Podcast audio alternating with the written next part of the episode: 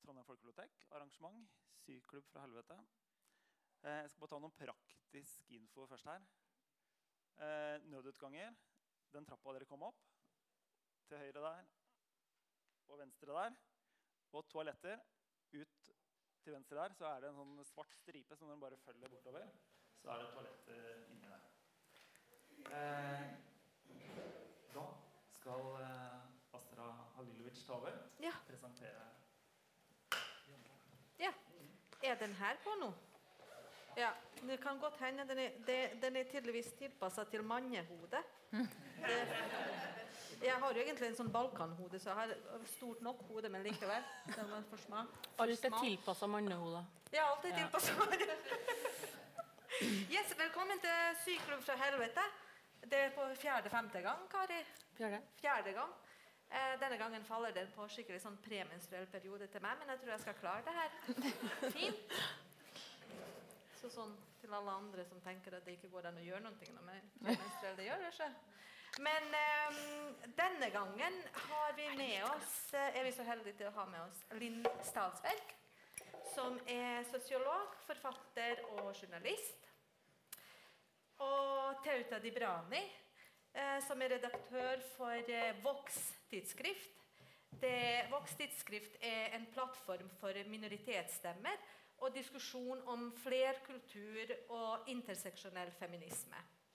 De som ikke har hørt om eh, Vox, eh, syns jeg skal virkelig uh, ja, finne ut litt om det. Uh, Kari Christensen. Tekstforfatter, sosialist og bartender. Eller skulle jeg ha sagt bartender først. Vi har en egen diskusjon gående her skjønner du, siden eh, bakrommet om at vi er invitert. Vi har jo andre ting vi faktisk gjør sånn i hverdagen. Men vi blir invitert som eh, eh, forfatter og journalist og sosialist og eh, hva heter det? Ja, skribent og redaktør. Men samtidig Åh! Det går det, helvete. Det heter syklubb fra helvete. Kan du feste det bordet? Vi skal få det til. Hva er det her? Eh, Sånn bord for eh, mannehender?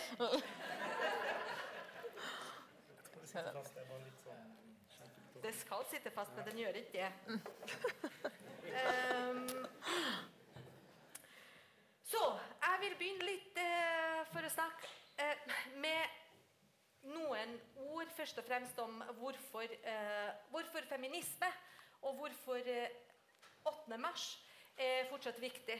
I går så leste jeg på bistandsaktuelt.no eh, åtte grunner til at eh, feminisme 8. mars er fortsatt viktig. Så jeg skal bare lese opp de her åtte grunner, så får dere gå inn på bistandsaktuelt.no og lese litt mer om det. Eh, Sjøl om i artikkel også så eh, gjøres det klart at ting er bedre enn for 25 år siden likevel. Åtte grunner. Grunn nummer én fattigdom. To skole. Tre helse. Fire vold. Fem overgrep. Seks arbeid. Sju lønn. Åtte ulikhet. Som sagt, Gå inn på bistandsaktuell.no og les litt mer. Men jeg tenker at de åtte grunnene sier seg litt sjøl hvorfor det er fortsatt høyst aktuelt. Eh, jeg jobber til daglig som minoritetskonsulent i Trondheim eh, kommune. Og jeg har bare lyst til å starte før, før vi setter i gang med uh, gjestene i dag, så har jeg lyst til å informere dere litt om ståa i Trondheim per i dag. Daglig møter jeg jenter, norske jenter, som er født og oppvokst i Norge, som ikke har noe frihet i det hele tatt. Og når jeg sier det, så mener jeg ikke har de frihet til å velge selv hva de ønsker å gjøre med sitt liv, med sin kropp, med sin framtid, med sin nåtid.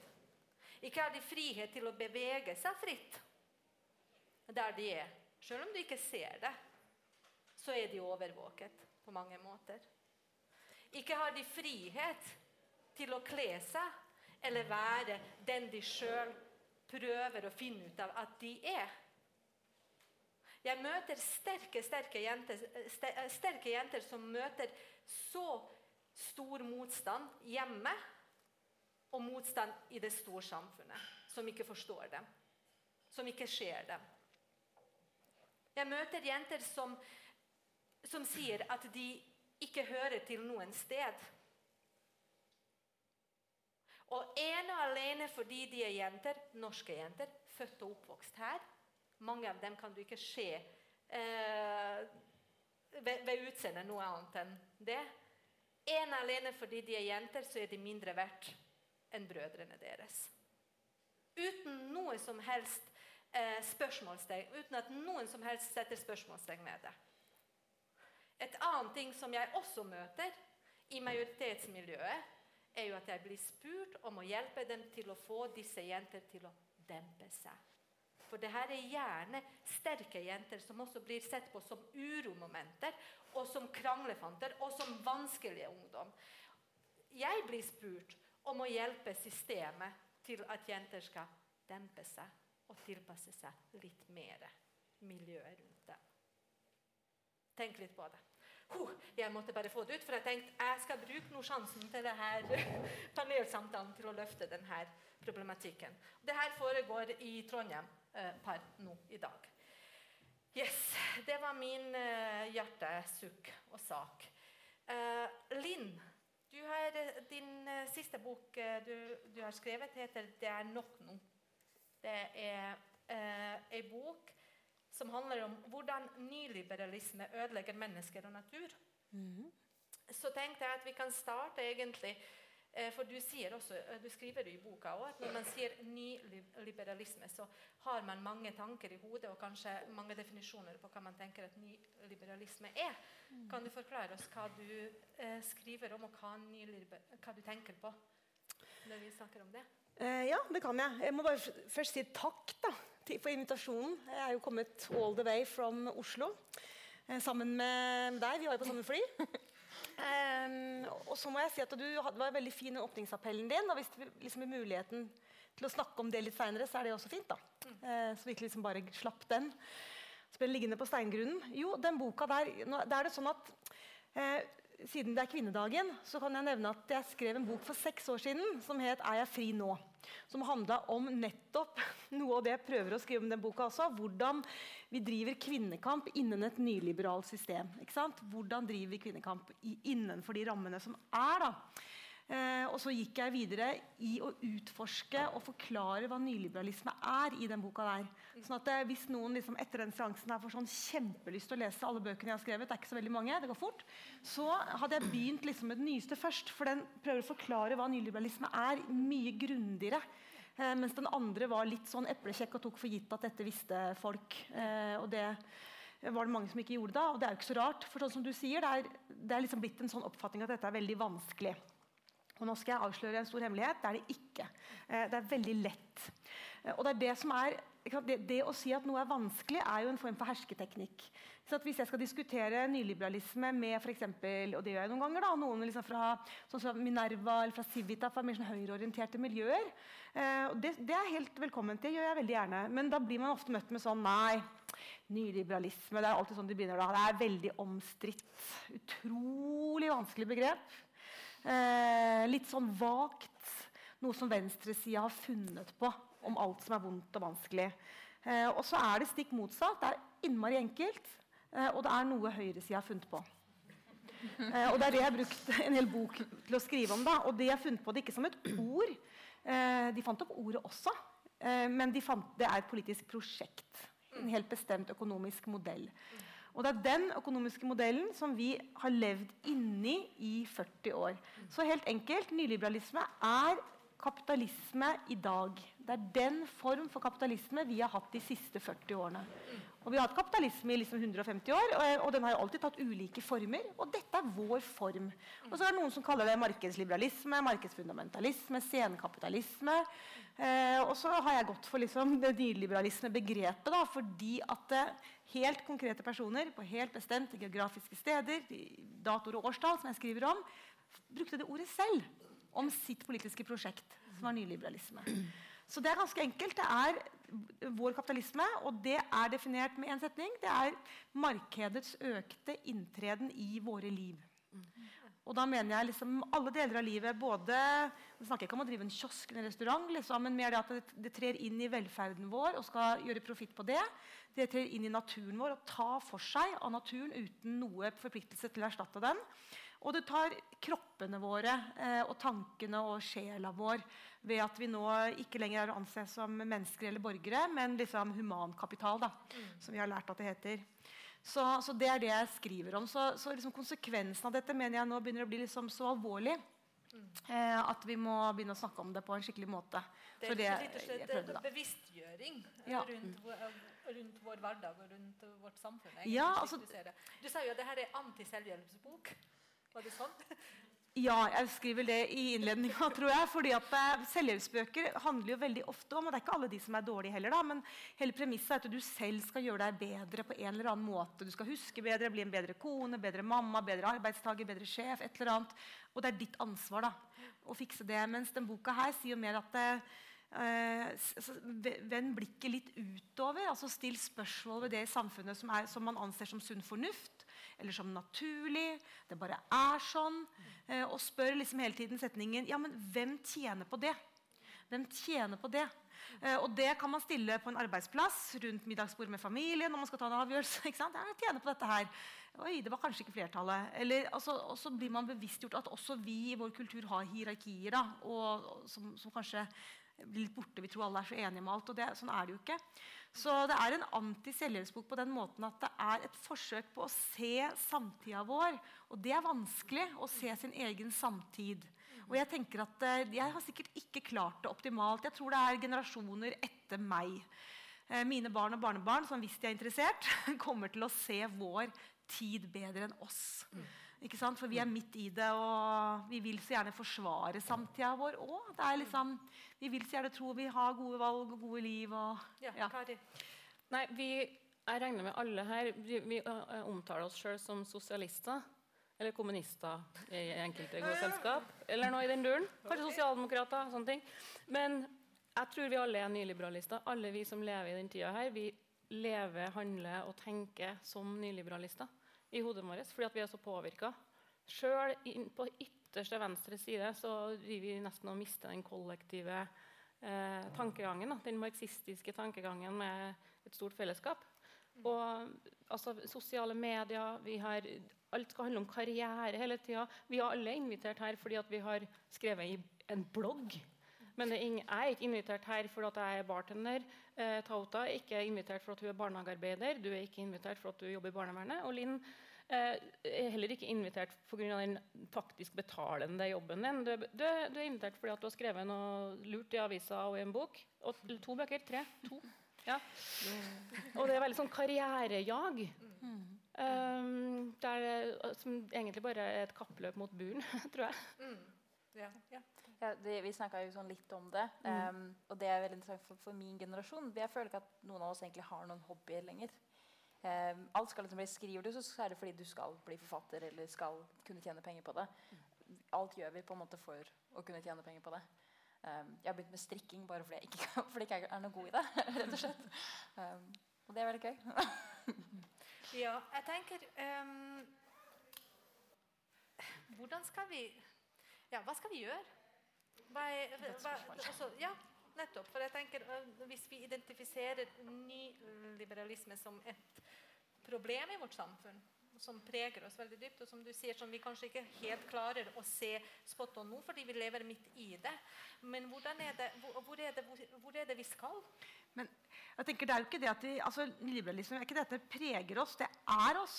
Det er dette er. Altså, det var sånn liksom, morsom, Etter at jeg ga ut en bok, så var det en eller annen uh, morofyr på Twitter da, som tvitra liksom at uh, å ikke vite hva nyliberalisme er i vår tid, er det samme som å leve i Sovjet og ikke vite hva kommunismen var. Uh, og det var jo ment humor og satt på spissen, men det er også sant. da. Så, og, da, og, da, tenker jeg sånn som Siden det er 8. mars i dag, og vi tenker kvinnekamp, og sånn, så tenker jeg det første bud er jo å spørre oss selv ja, hvis vi skal likestille mann og kvinne. da, Hvilket system likestiller vi innenfor? Hva er det vi likestiller til? Ikke sant? Eh, Er det å dra samfunnet fremover og likestille til liksom militær ledelse f.eks.? Er, det, er det å drive samfunnet fremover og likestille en kvinne til å, til å skulle skaffe like mye profitt til eierne i det selskapet som mannen før henne? Og det må hun gjøre ved å gi ansatte dårligere vilkår og skaffe noen billige produsenter i Kina. Ikke sant? Altså, er, er, dette liksom, er dette et fremskritt for samfunnet? Altså at vi må ikke ta, altså, det, likestilling er liksom for meg en ingrediens i et godt samfunn. Men det er ikke et bevis på et godt samfunn. Det kan jo for alt jeg vet være likestilling i Nord-Korea. Jeg aner ikke. Eh, men det betyr jo ikke dermed sagt at, eh, at det er et godt eh, Ja. samfunn. ikke sant? Likestilling, jeg tenker jo også, Tauta, Du jobber jo, eh, som sagt, Vox er jo et plattform for minoritetsstemmer og for å løfte eh, ikke bare problemer, men for eh, å løfte ulike tematikk innad i eh, ulike miljøer. Og Når det kommer til likestilling, da kan jeg også si igjen, som minoritetskonsulent, når man snakker om minoritetsmiljøer og andre kulturer, så er det ikke til å unngå. Det er jo en av de første grunnpilarene man må ta tak i. Det er jo dette spørsmålet om likestilling. Hva er det? Så det er jo veldig, eh, det spørsmålet slåss man jo på en måte med. Hvor, først og fremst, hva er det? Det- er på det nivået. Og så hvorfor er det viktig? Men jeg tenker at de spørsmålene er jo høyst aktuelt uh, i majoritetssamfunnet også. Jeg tenker dine tanker, for du er jo eh, Ja. ja. du er nå her som interseksjonell feminist. Ja. ja. Ja, for jeg tenkte litt sånn Apropos det. eh, jeg tenker at det første, Du nevnte jo at det er bevisstgjøring. Men jeg syns også at språket vi bruker når vi snakker om det her, er ekstremt viktig. Fordi de, veldig mange jeg kjenner som aktivt ikke kaller seg for, for feminist, er jo fordi de ikke helt skjønner hva det vil si. Og jeg tenker at nyliberalisme sånn sett ut fra, Min mor hadde ikke forstått hva det her er for noe. Og det, og det handler liksom også om hvordan skal jeg forklare det på en måte som da ikke pusher henne fram og ikke liksom skaper det skillet. For jeg føler at ofte når det blir snakk om sånne ting som det her, om likestilling, så blir det liksom alltid litt sånn Dette er eliten som forteller en som kanskje ikke har så mye eh, kunnskap om det her. Og da, det vi da gjør, er å skape et større skille mellom de to gruppene. Litt. Jo, jeg er helt enig, og jeg tenker det i klasseperspektivet er jo det som forsvinner i en sånn nyliberal ideologi. For at nyliberalismen har ingen lojalitet. Ikke til menneskerettigheter, ikke til likestilling, ikke til minoriteter. Ikke til, altså Nyliberalismen har én lojalitet, og det er til konkurranse. Og der skal vi liksom delta på like vilkår, og så vet vi at det ikke er sånn. Eh, så det, men det du sier, er at eh, altså det som jeg ender med deg i, er det der at eh, altså jeg, at selv om man ikke vet hva nyliberalisme er jeg er sikker på Hvis jeg hadde sagt sånn Hvem kan svare på nyliberalisme? er sikkert veldig få av dere som kunne rekke opp en hånd, eh, unntatt kanskje to i salen. Men jeg tror at mange kjenner det på kroppene sine. Sant? Altså, selv, og det er det som, Jeg reiser jeg rundt som et sånt sirkus og snakker om denne boka her i hytt og pine. Og, og møter masse liksom, hva skal jeg si, vanlige folk. da, Folk som ikke nødvendigvis har gått og hørt om sånne ting før. Eh, og, så, og så kommer det jo fram når folk snakker og deler tanker og hverdagen sin, at de veit jo innmari godt hva det her er. Det er liksom målstyringa på arbeidsplassen. Det er liksom karaktersetting på arbeidsplassen. Det er en krav om effektivitet. Det er en kollega som ikke er der. Ikke sant? Og det er jo særlig kanskje ofte mange folk i turnus og manuelle yrker. Og, altså jeg kjenner jo mange, jeg har selv mange venner som jobber i turnusyrker, i sykepleie og også fly, flyvertinner og sånn. Uh, og de, mange av de orker jo ikke å jobbe 100% ikke sant? For de klarer å tenke at det er jo turnusen det er noe galt med. på en måte, Og det er jo en sånn effektivitetsgrep da, som tas. Um, og det, så jeg tenker at hvis man, eller jeg vet da, at hvis man snakker ganske litt med folk, så er dette her ganske sånn tett på hverdagen. Hva tenker du Tauta, om nyliberalisme og minoritetsmiljøer og minoritetsproblematikken? da? Om den preger om, og, og, Ja. ha- ja. Det tror jeg definitivt. Um, jeg gikk, altså et eksempel jeg gikk på Jeg vil bare først og fremst bare si at det er det jeg satte så veldig stor pris med din bok, for den forklarte det så veldig fint. Uh, jo, apropos spørsmålet litt. Jeg gikk uh, på Gyldendals skriveskole, uh, og jeg holdt på med en roman. Eh, og da Min karakter er en muslimsk jente. Eh, og da var det sånn hele greia var at vi skulle lese hverandres ting og kommentere. Og da var det noe av det første en av de andre på kurset sa til meg, var at det, men du må passe på så det her ikke blir tante Ulrikkes vei eller eh, alle utlendinger har lukka gardiner. Og det baserte hun på at hun var flerkulturell og muslim. Og that's it. Og det er liksom noe med at det spesielt apropos når det er endimensjonelt, det som Og blir presentert. Ja. ja, og spesielt når det er minoriteter. ja, nå, nå kjenner jeg litteratur best, altså jeg skal ikke snakke ut meg så veldig mye om de andre emnene. Men spesielt der så er det veldig fordi det er så få, så konkurrerer du med andre. Og igjen, du brakte jo også det med at vi, det er jo det konkurranseinnstillinga. Og hvis jeg er en av de få som skal gi ut en bok om en flerkulturell jente, så blir jo den sammenligna med den andre boka eller så blir den her dårlig. Eller her satte hun mye mer preg på Eller forklarte mye bedre hvordan det er å være en muslimsk jente enn det kanskje jeg gjorde. Men det Er jo én erfaring. Nei, nei, herregud. Er det også en opplevelse? Vi trenger ikke flere. Vi har allerede Tante Ikke Ulrikkes vei, så trenger vi enda en Ikke eh, sant? Og, Og det er jo eh, det, Jeg jobber inne i kunst- og kulturfeltet i Trondheim, og det står veldig dårlig til når det kommer til representasjon og mangfold. Eh, Det er jo veldig snakk om da, det oppleves som du Kari sier, for jeg snakker jo veldig for minoriteter og ulike typer minoriteter innad i kunst- og kultursektor, og så er det alltid uh, underprivilegerte norske, altså for å kalle det norske etniske, også, som på en måte kjenner seg igjen i den problematikken. Men for meg så var det bare for å fortelle om en liten sånn eh, erfaring jeg hadde for noen dager siden. Jeg sto jo foran alle landets teatersjefer og holdt et innlegg om det her med mangfold og integrering. da. Så ble jeg jo med på en liten fest etterpå. Å da, det var noe hyggelig, da. Og da fikk nå høre etter et par-tre mm, glass innabords, så fikk jeg høre at men du må da ikke insistere på uh, ulikheter. Vi er ikke så ulike. Vi er ganske like, vi. Altså, og det her er liksom teatersjefer som har, der, der disse sjefsroller bare går litt sånn, blir omrokert. Men- du- Ja, Men, selvfølgelig. ja. Hun ene dama hun er, jeg i krangel med, så det gikk jo ikke. Men uansett, altså. Her, jeg, jeg ble også veldig overraska over Faktisk ble litt over det, fordi jeg tenkte når man løfter opp et problem som er et faktisk problem, at folk er ikke representert Det her er gamle systemer som ikke fungerer. Altså, ikke, så, så får jeg høre etterpå, når, som sagt, i en brisen tilstand, så kan man egentlig tenke er jo Du må ikke insistere så på ulikheter. Og det, måte, og det, det, gjorde meg liksom, det gjorde noen tanker rundt det. Men hva er det egentlig, apropos det her å tilpasse seg? men hva, også, Det er jo derfor jeg er her, det er derfor jeg snakker om det. Fordi det er en ulikhet her, det er en skjevfordeling. Mm. Så, så, så det er jo eh, Men samtidig så får man høre Men må vi snakke om det, da? Ja. Må vi eh, må For- du, ja. For angående voks Beklager. nå. Ingen som vil på fest med Men meg du etterpå. tok jo også opp, um. Astrid, du tok jo også opp at det er nesten ikke er minoriteter i trønderske En av 61, ja. Mm, en av 61 mener jeg det var. Ja, eller, Og da må vi også snakke om interessemotsetninger. For hvem er det da som sitter i de styrene? Er det folk fra arbeiderklassen? Er det kvinner? Nei, det er hvite, rike menn Mm. som sitter i de styrene. Mm. Eh, og jeg var på en, debatt, en kulturdebatt for Tempo i, under, eh, i valgkampen i fjor. Og da var det bare menn eh, der. Og de hadde alle sånne stilige styreverv uten å ha jobba som tekniker i, i um, kulturbransjen. De har ikke vært på gulvet. Hvorfor, hvorfor skal vi ha et styre for, for kultur bestående av hvite menn som er privilegert? Det er ikke interessant. Så det er ikke bare minoriteter, men det mangler folk fra arbeiderklassen inn i de styrene. Eh, folk som faktisk har skapt kulturen. Kultur er jo ikke skapt av hvite rike menn. Det er jo ikke det. Det er i hvert fall ikke representativt noe lenger for det samfunnet vi faktisk er i. Hvordan faller de inn i nyliberalismen, tankegangen? Fordi jeg tenker på kunst- og kultursektor, og det har jo også blitt egentlig prega av profitt, på en måte. Kanskje ikke akkurat profitt, men av det jaget, da. Eh, hvor mye du skal jeg, jeg husker jo faktisk, når jeg tenker meg over det, at når jeg var på DKS eh, eh, turné at jeg ble faktisk spurt om Fordi man får betalt for en hel dag, da, men jeg ble spurt om å spille forestillinga fire ganger i løpet av den dagen. Kunne du skvist og så spilt den fire ganger, da?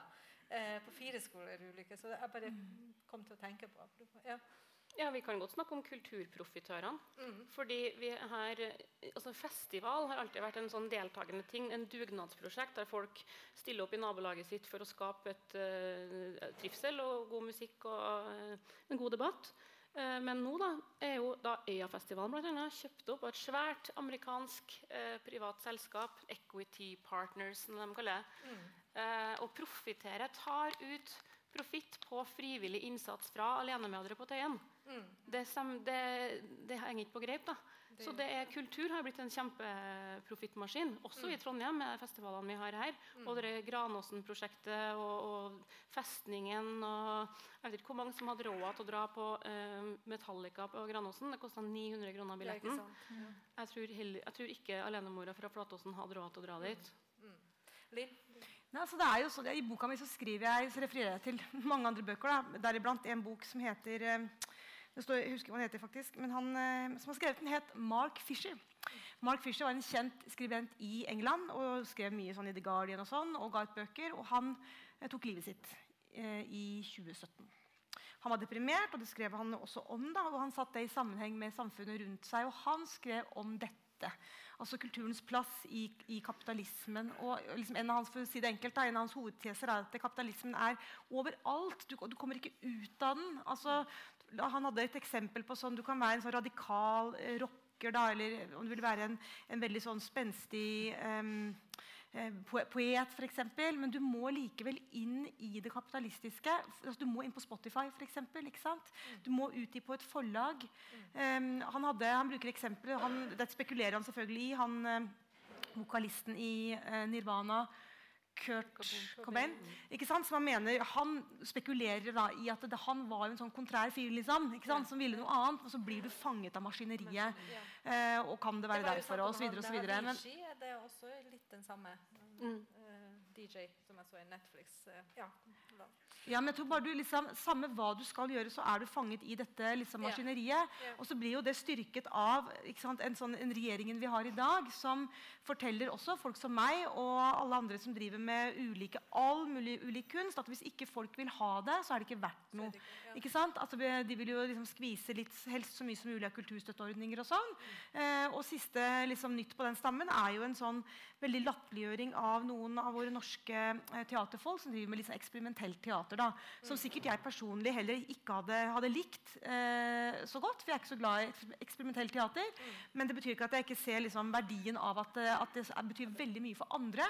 Og at det betyr noe for oss som samfunn at vi utvider det perspektivet. Fordi at det som er skummelt syns jeg, med profittfokuset i kultur, er at det berører eh, høyrepopulismens fremvekst i det høyrepopulistiske. Ja. Altså, rett og slett I nazismen så var det jo en sånn dyrking av den folkelige kulturen. Det alle ville ha. Ja. Og så var det egne utstillinger som latterliggjorde alternativ kunst.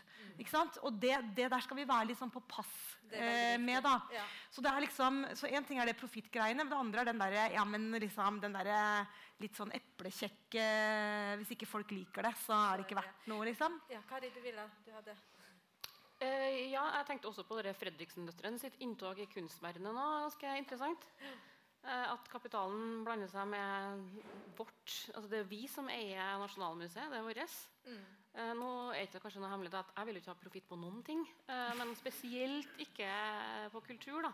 Vi bør, ja, vi mm. bør egentlig bare stoppe kulturprofitørene. Hva, tenk, eh, ja.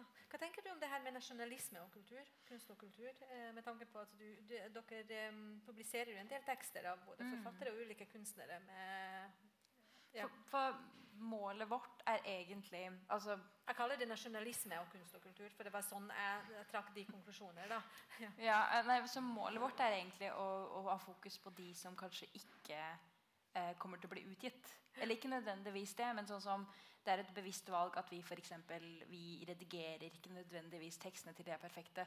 Noen, man kan sende inn på engelsk hvis det er det språket du kan mm. best. Og det er det å på en måte bare eh, nå folk. Vi har fått, fått tekster av, av, folk som har skrevet om det å være minoritet, og fått høre at der, da jeg skrev for dette eller dette stedet her, så måtte jeg endre såpass mye av teksten så den på en måte var mer eksotisk. eller noe sånt. Mm. Um, og hele poenget med Vox er jo at vi, vi lever veldig på den der DIY-spiriten at man skal gjøre ting sjøl. Mm. Uh, og gjøre ting fordi det er gøy å lage ting. Altså, hele det, det, det, virker liksom så stort utad, men det er jo egentlig bare en vending som lager kule ting fordi vi syns det er gøy å lage kule ting. Mm, mm. Um, jeg vet ikke om det besvarte spørsmålet ditt. Jo, men uh, på en måte. For uh, jeg begynte jo å tenke på, for det, det, du sier der, er noe som jeg også kjenner på her. For vi har jo, jeg og jeg som heter Anna, har også et nettsted der vi publiserer vi, ulike tekster. Og vi vil f.eks. ha minoritetsstemmer, unge mm. minoritetsstemmer fram. Og da får man det her problemet med tanken på jeg ønsker nå å kalle det for kvalitet, fordi jeg har blitt poda inn for at jeg skal kalle det kvalitet, men nå begynner jeg å lure på om det er nyliberalisme det handler om. egentlig. At man skjuler seg bakom en, en, sånn Er det her godt nok? Er det her mm. god nok kunst? Er det her ja. godt nok? Og så egentlig så handler det om selv det her godt nok. Mm. Hvis du skjønner? Nå begynner jeg å tenke det, det er, Nå er jeg midt i min egen tankerekke her, da. Men, eh, så på en måte så trakk det. Men jeg, ble litt um, interessert i det her som du trakk paralleller til um, nazisme. og, og andre verdenskrig og denne kulturen som, kunsten og kulturen som ble på en måte hylla den gangen, som var nasjonalistisk. Da, som det var det som var på en måte malet. Jeg tenker, Hvis det er den trenden vi er i nå, da Jeg vet ikke om det er det du mener at vi er. Nei, det var egentlig ikke det. Det var mer det at eh, altså, Hitler hadde jo selv en sånn utstilling i 38 eller noe sånt, altså, så hvor, liksom, hvor det ble dratt frem liksom, den folkelige kunsten.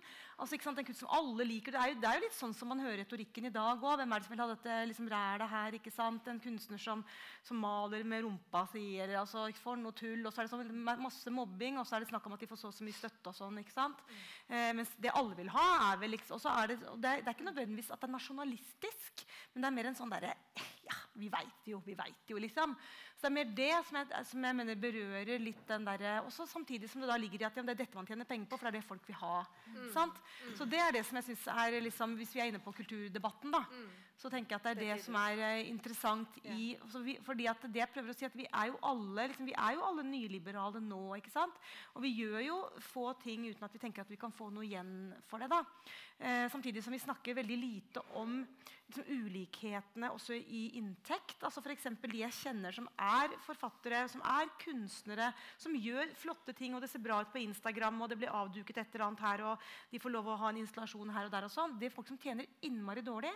Eh, jeg tror ikke folk veit hvor, lite eh, mange av disse kunstnerne våre tjener. Det er kjempelite. Pluss at man er næringsdrivende, så man er syk, så har man heller ikke sykepenger. Eksempel. Uh, og Det er liksom også en del av liksom den kulturdebatten. da.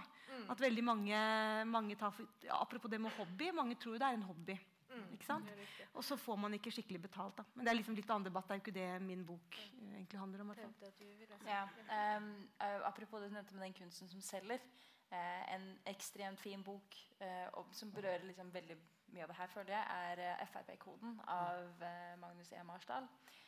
og Der nevner han bl.a. hvordan på en måte Frp har kommet altså hvordan, Hvorfor det har slått så godt an, da, og hva det er som, hvilken retorikk de bruker. Hvordan det på en måte gjør at folk slenger seg på. og eh, Der var det bl.a. en sånn stor diskusjon om hvordan altså, klesstil, det vi liker, eh, hvordan det er med på å enten distansere oss fra folk eller ikke. Mens du har liksom veldig folkelige Frp-politikere. Og da, jo, da, da, da, gir jo det litt mening at det går at det kanskje kan på en måte At folk som da kanskje arbeiderklassefolk det kan like veldig mye av det, den samme artistikken og alt det der. Mm. Eh, bare sånn, Tenkte på den boka og anbefaler den. Så, ja. Samme eh, Frp-koden. Ja. Samme forfatter, Magnus Marsdal, eh, skrev jo også teksten 'Nyliberalismens glidemiddel' tidlig på 2000-tallet om akkurat det her. Om eh, latterliggjøringa av venstresida sine si, smale felt og kalt det elitistisk omvendt elitekritikk. Mm. Da høyresida har eh, vendt om i, altså, Da kritiserte han også Thomas Seltzer og Natt og Dag, som jeg også har jobba for. Um, med at alt det folkelige skulle nå bli det harrige, mens uh, å gå på teater og faktisk utvide horisonten sin, det var elitistisk. Mm. Eh, det å lese bøker er elitistisk. Det å oppføre seg er elitistisk. Det å være grei mot andre. Er, som, så Frp har jo lyktes eh, ganske godt med, med det. Og, men, men, det var jo ikke Frp som starta med det. Det var jo nyliberalistene på 2000-tallet. Mm. Mm. Og så spurte jeg, eh, spurte jeg, tidligere hva skal vi gjøre. Så tenker jeg at Du kommer med et sånn konkret forslag, du kommer med konkret forslag i boka. Det er jo det her med hvem tjener på det her. Noen tjener på alt vi gjør. At man kan kanskje stille seg spørsmålet hvem tjener på, altså på alt som foregår. Nå ble jeg litt sånn stående her og tenke hvem tjener på det her? jeg vet at jeg tjener litt på det her, da. Kunne heller ikke ringe meg inn sjuk, for da hadde ikke jeg tjent på det. Da. Men, men, uh, men jeg tenker, er det noen tanker om altså, hvor er det samfunnet er på vei? For du snakker jo også om miljø. Det er sånn uh, Linn, å forstå at dette her er jo direkte du, du, snakker om hvordan man på en måte tar ressurser fra naturen og utnytter det til, til en uh, gevinst. Og, og, og, vi vet jo og ser på en måte hva som foregår i, uh, når det kommer til miljøet i dag i verden. Da. Det er ikke akkurat det er jo Miljøkollapsen er jo der. så jeg vet ikke om det her med miljøbevegelsen og miljøkampen om det er en slags også en slags redning? Altså, altså, jeg tenker at Man kan jo ikke snakke om noen ting i dag uten å snakke om klima og miljø. Det er ingen debatt vi kan ha som er liksom frakobla det. Mm. Um, og det gjelder også selvfølgelig feministisk kamp. Sånn, selvfølgelig. sant? Eh, og det, og en av de, det er som jeg sa, Nå har jeg alltid en sånn powerpoint den tror jeg dukker opp etterpå i dag. Eh, hvor jeg har liksom bilder av noen konsekvenser av nyliberalismen. Og det, og det som gjør mange veldig interessert i det, som ikke før har vært interessert i det, og som i hvert fall ikke er på venstresida, liksom, det er jo det med klima og miljø. For at eh, Du sa liksom, ja, det skjer der, men det skjer her. Liksom, det skjer rundt oss. Liksom, nå så er det klimaendringer, og det er naturødeleggelser. Eh, og naturen vil jo overleve. Det er jo ikke det at ikke jordkloden overlever, men liksom, i hvilken stand da, eh, og i hvilken form. ikke sant?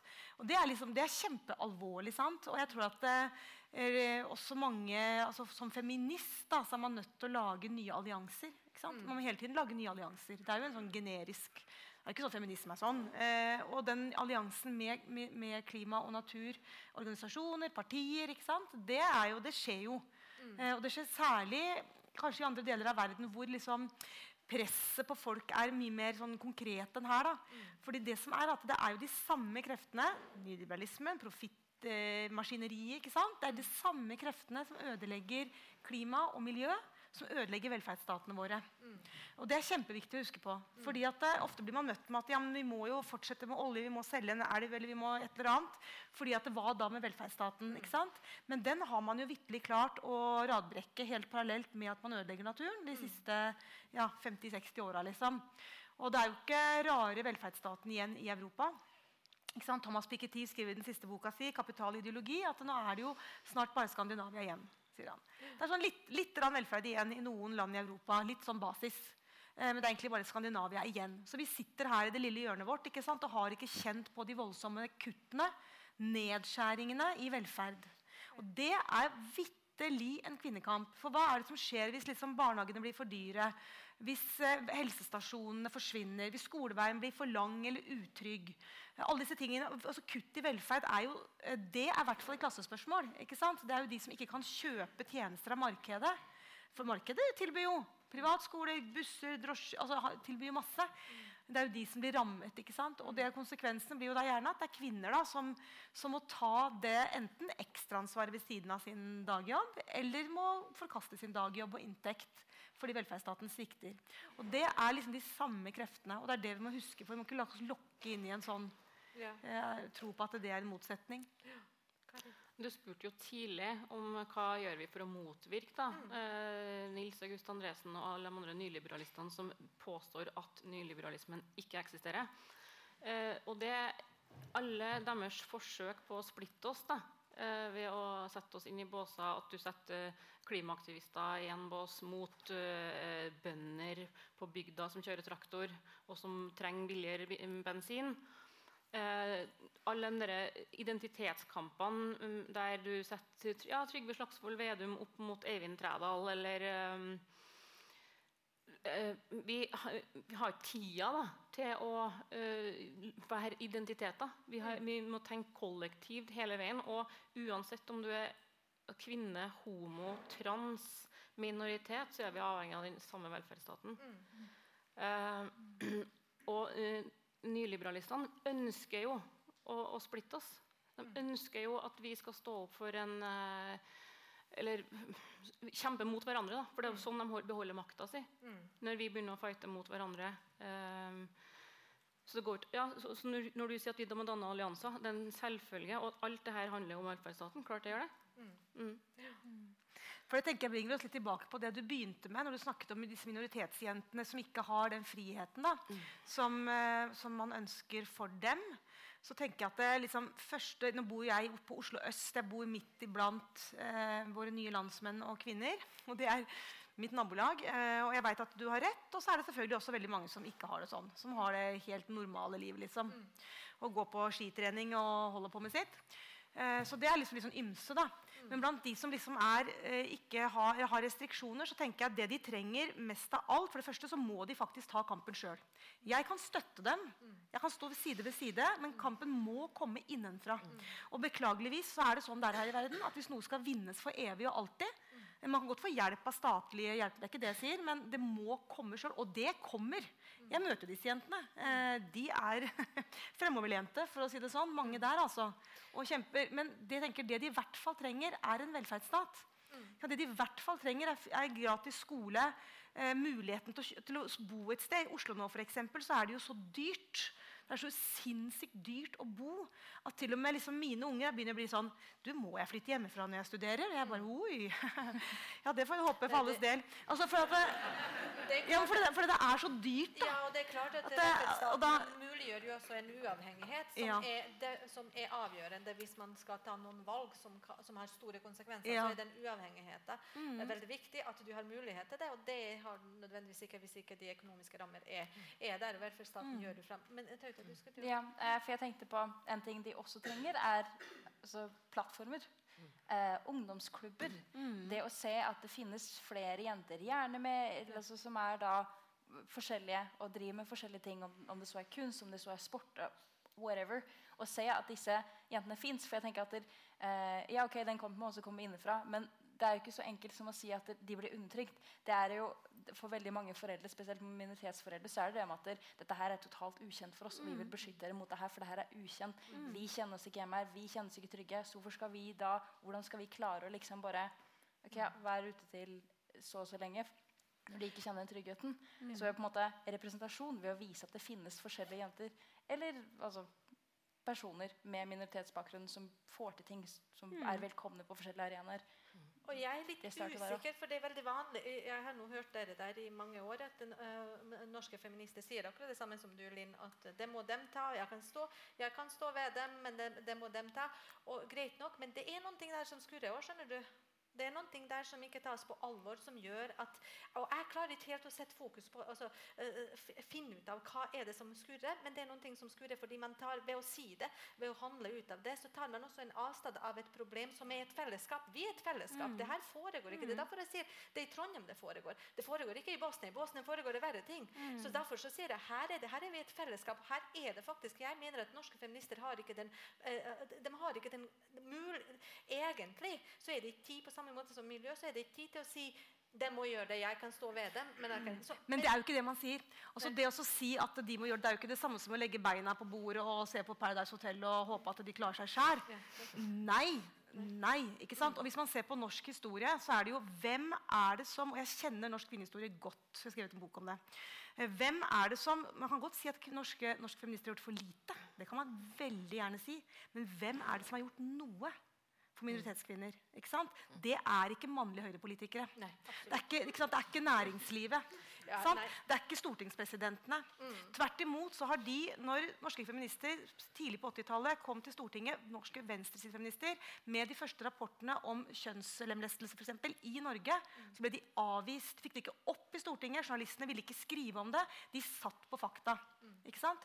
Sånn at det er noe med at ok, De har kanskje gjort for lite, gjort feil ting, hatt misforstått toleranse. Alle de tingene er helt legitim kritikk, men de prøvde noe. Og jeg tenker at Hvis man skal rette fingeren mot liksom, svik eh, på den fronten der, så må man liksom rette det litt andre steder. Ja. Og der, der makta var. Men- og for eksempel, som, ja, for eksempel I vårt lokalsamfunn i, i Oslo, da, på hele Oslo øst, hele Groruddalen, så er det jo liksom dagens helter, og de vet jeg får oppmerksomhet i dag, det er eh, disse bydelsmødrene. Det er stolte jenter som er avleggerne til bydelsmødrene. Og så er det bydelsfedrene som er helt nytt. Da. Og det er jo minoritetskvinner av alle fasetter. Noen som er født i Norge, noen som kom i fjor. Eh, og, og, det, og det er de som går og banker på døra og sier du, kan hun Amina få komme eh, og være med på yoga, som vi har gratis. Og det er bedre at da må liksom de gå. Ikke jeg kan ikke gå. Og. Men, men jeg kan hjelpe til å finne det lokale. Og først og fremst norsk, skandinavisk feminisme, norsk eh, feminisme og den, norsk, eh, den likestillinga vi har, er først og fremst redninga. Og inspirasjon og gode. Og en støtte. Det er det først og fremst. Og det er overhodet ikke man, Norske feminister gjør ikke godt nok. Det kan man godt ta en debatt om. Det er helt sikkert det, det, det, er legitimt. Det er det, er derfor, det er derfor man har det. Derfor jeg har det. Derfor mange med, med meg har den muligheten til å leve det livet vi faktisk lever. som handler, Det er jo på bakgrunn, på bakgrunn ene og alene. Først Mm. og fremst da. Uh, hva heter velferdsstaten, da, men likestilling. Ja, Mm. Kari. Eh, jeg skjemmes jo personlig av at jeg er i et antirasistisk parti som nesten bare hadde hvite mennesker på lista si til valget i år. Fordi det var helt umulig å oppdrive. Og det betyr jo at vi har gjort en altfor dårlig jobb. Um, men så er vi, vi tenker nyliberalt, som sagt. Og, og eh, når vi snakker om kvinnelige forbilder eller, og folk som vi inviterer til debatter, og sånn, så er det fort gjort. Da, folk som har en karriere. Um, hvis man skal finne minoritetskvinner, så er det faktisk å sette hotell- og restaurantdebatten på agendaen. Der finner du flust med asiatiske kvinner i, i, Riktig. Uh, i, I barnehagearbeid.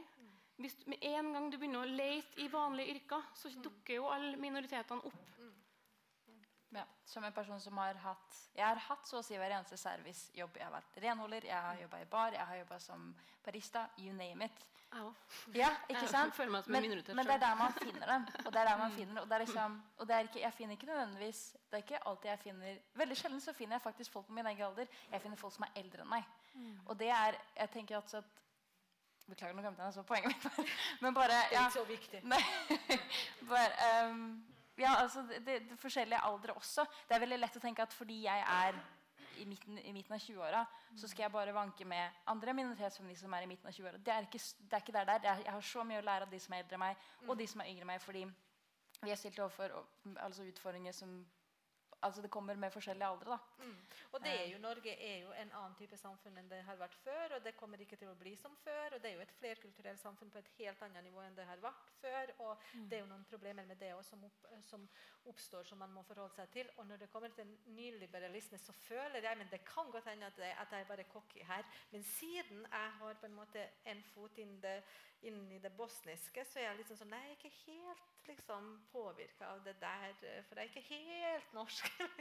og ikke så Men, Men det- er jo ikke norsk. Nei, Den, nei, det er ikke tvert, det. tvert er imot så er jo det liksom eh, en sånn knagg som vi alle er hekta på. da. Mm. Men det som har vært veldig morsomt, er at den andre boka mi som jeg nevnte innledningsvis, den ble oversatt til arabisk. Mm. Eh, så jeg og min oversetter, som er en helt fantastisk eh, dame Hun er norsk egypter, altså hun er egyptisk, men bodde, ja, hun bor i begge land. Og Vi har jo hatt sånne møter på, med minoritetskvinner arabisktalende da, ikke sant? i Oslo-området. Ja, også utafor, egentlig. Sånne, sånne, på sånne eh, introduksjonsprogram og sånn. ikke sant? Og det som liksom kommer frem, det er to ting som er veldig bemerkelsesverdig. Det ene er at mange minoritetskvinner trenger å vite at to ting. Eh, den norske kvinnenes seire da, kom via kamp. Sant? Det kom ikke via noen snille politikere som ga oss dette i gave. som plutselig over statsbudsjettet. Det kom ut via kamp. Og norske kvinner i generasjon over meg de har fått ødelagt både økonomien sin og ekteskap og opplevd trakassering og latterliggjøring massevis for at jeg skal få det jeg tar som en selvfølge. Det trenger de å vite. Hvordan skal de vite det? Jeg har ikke lært det på skolen sjøl engang. Eh, og punkt to, så trenger de også å vite at eh, jeg og mange med meg vi er også usikre på våre valg. Det er ikke sånn at jeg står med rak rygg og syns at alt er perfekt i mitt liv. Jeg tviler på masse. jeg. Jobber jeg for mye? Gir jeg ungene riktige verdier? Jeg får ikke dagene til, jeg heller. Jeg snubler og faller. Det er ikke sånn at eh, Man har liksom bilde av den norske idealkvinnen. tror jeg mange minoritet, Noen minoritetskvinner har det. Sånn at vi har alt på stell, vi har alt på orden, vi fyker av gårde, ler i barnehagen. Nei, vi lever, i barne, vi lever av og til i barnehagen med klump i magen. Ungene våre blir mobba på skolen. Altså Det er liksom masse greier vi også baler med. Og, det, og når vi liksom begynner å lufte det, så innser vi at vi sitter og snakker sammen i sirkel, og så er vi jo egentlig opptatt av akkurat det samme. Og det er å få den velferdsstaten til å fungere. Endrer vi litt sånn på det her som han der sa til meg på festen? Ikke insister så mye på ulikheter. Vi er ganske like. Ja, men Vi er jo ganske like. ikke sant? Du vil ha en god lege, du vil ha en god skole, du vil ha et ålreit sted å bo. Det er ikke så innmari avansert. liksom. Ja, like eller ulik, så tilbake til her med miljøet, så har vi noen utfordringer som påvirker oss alle, og vi må forholde oss til det kollektivt. Så da må vi deale med de her eh, ting vi ikke forstår. Hva er Ja, Du nevnte jo at uh, dine medsøstre som er minoriteter, blir mistenkeliggjort fordi de er urokråker. Mm. Uh, de skal bli hysja ned. Men det gjelder jo i stor grad, grad kvinner generelt. Ja, det der du ser deg sammen. Ja, så- Vi, ja. vi, vi må fortsette å være urokråker. Slutt å latterliggjøre dem som kauker høyt og, og ikke oppfører seg sånn som Eller står i den riktige køa. da. Eh, og revolusjonen det er ikke noe T-selskap. Det er interessant, for det er jo Ja. norske kvinner som har fått meg, gitt meg oppdrag til å få de her minoritetsjenter til å demse. Mm.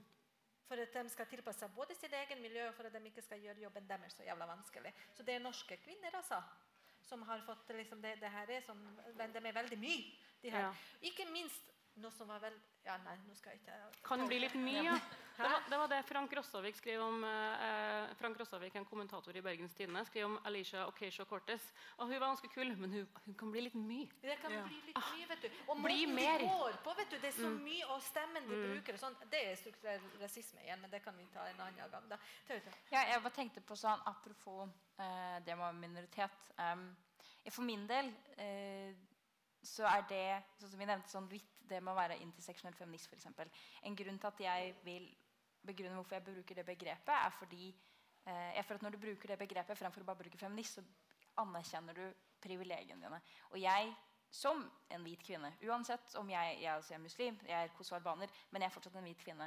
Og jeg føler at jeg, jeg syns ikke at det er noe i veien med å på en måte være norsk og på en måte eh, bidra eller hjelpe en minoritetskvinne som da ser annerledes ulikt enn deg. Og på en måte, jeg tror også at det å være klar over disse ulikhetene ikke nødvendigvis bare ikke bruk, ikke bruk dem som en fordel. Ikke bruk det som at som, altså Ikke gjør det til en ulikhet mellom i møte med den personen der. Ja, Men bare vekk. Ja. For du, du sa nettopp eh, Linn skal ha et foredrag klokka fire, så vi skal avslutte. Men akkurat det her med inter interseksjonell feminisme, jeg vet ikke om alle forstår. Er det noen kort måte å altså, Det er- forklare det på? Ja, det ehm, i, i, en, øh, i, I forhold til feminisme. Ja, det, det, jeg mener det er, eller in, den Interseksjonalitet betyr jo det at du inkluderer, eh, du inkluderer eh, altså alle mennesker av ulik legning, alle mennesker i ulik klasse.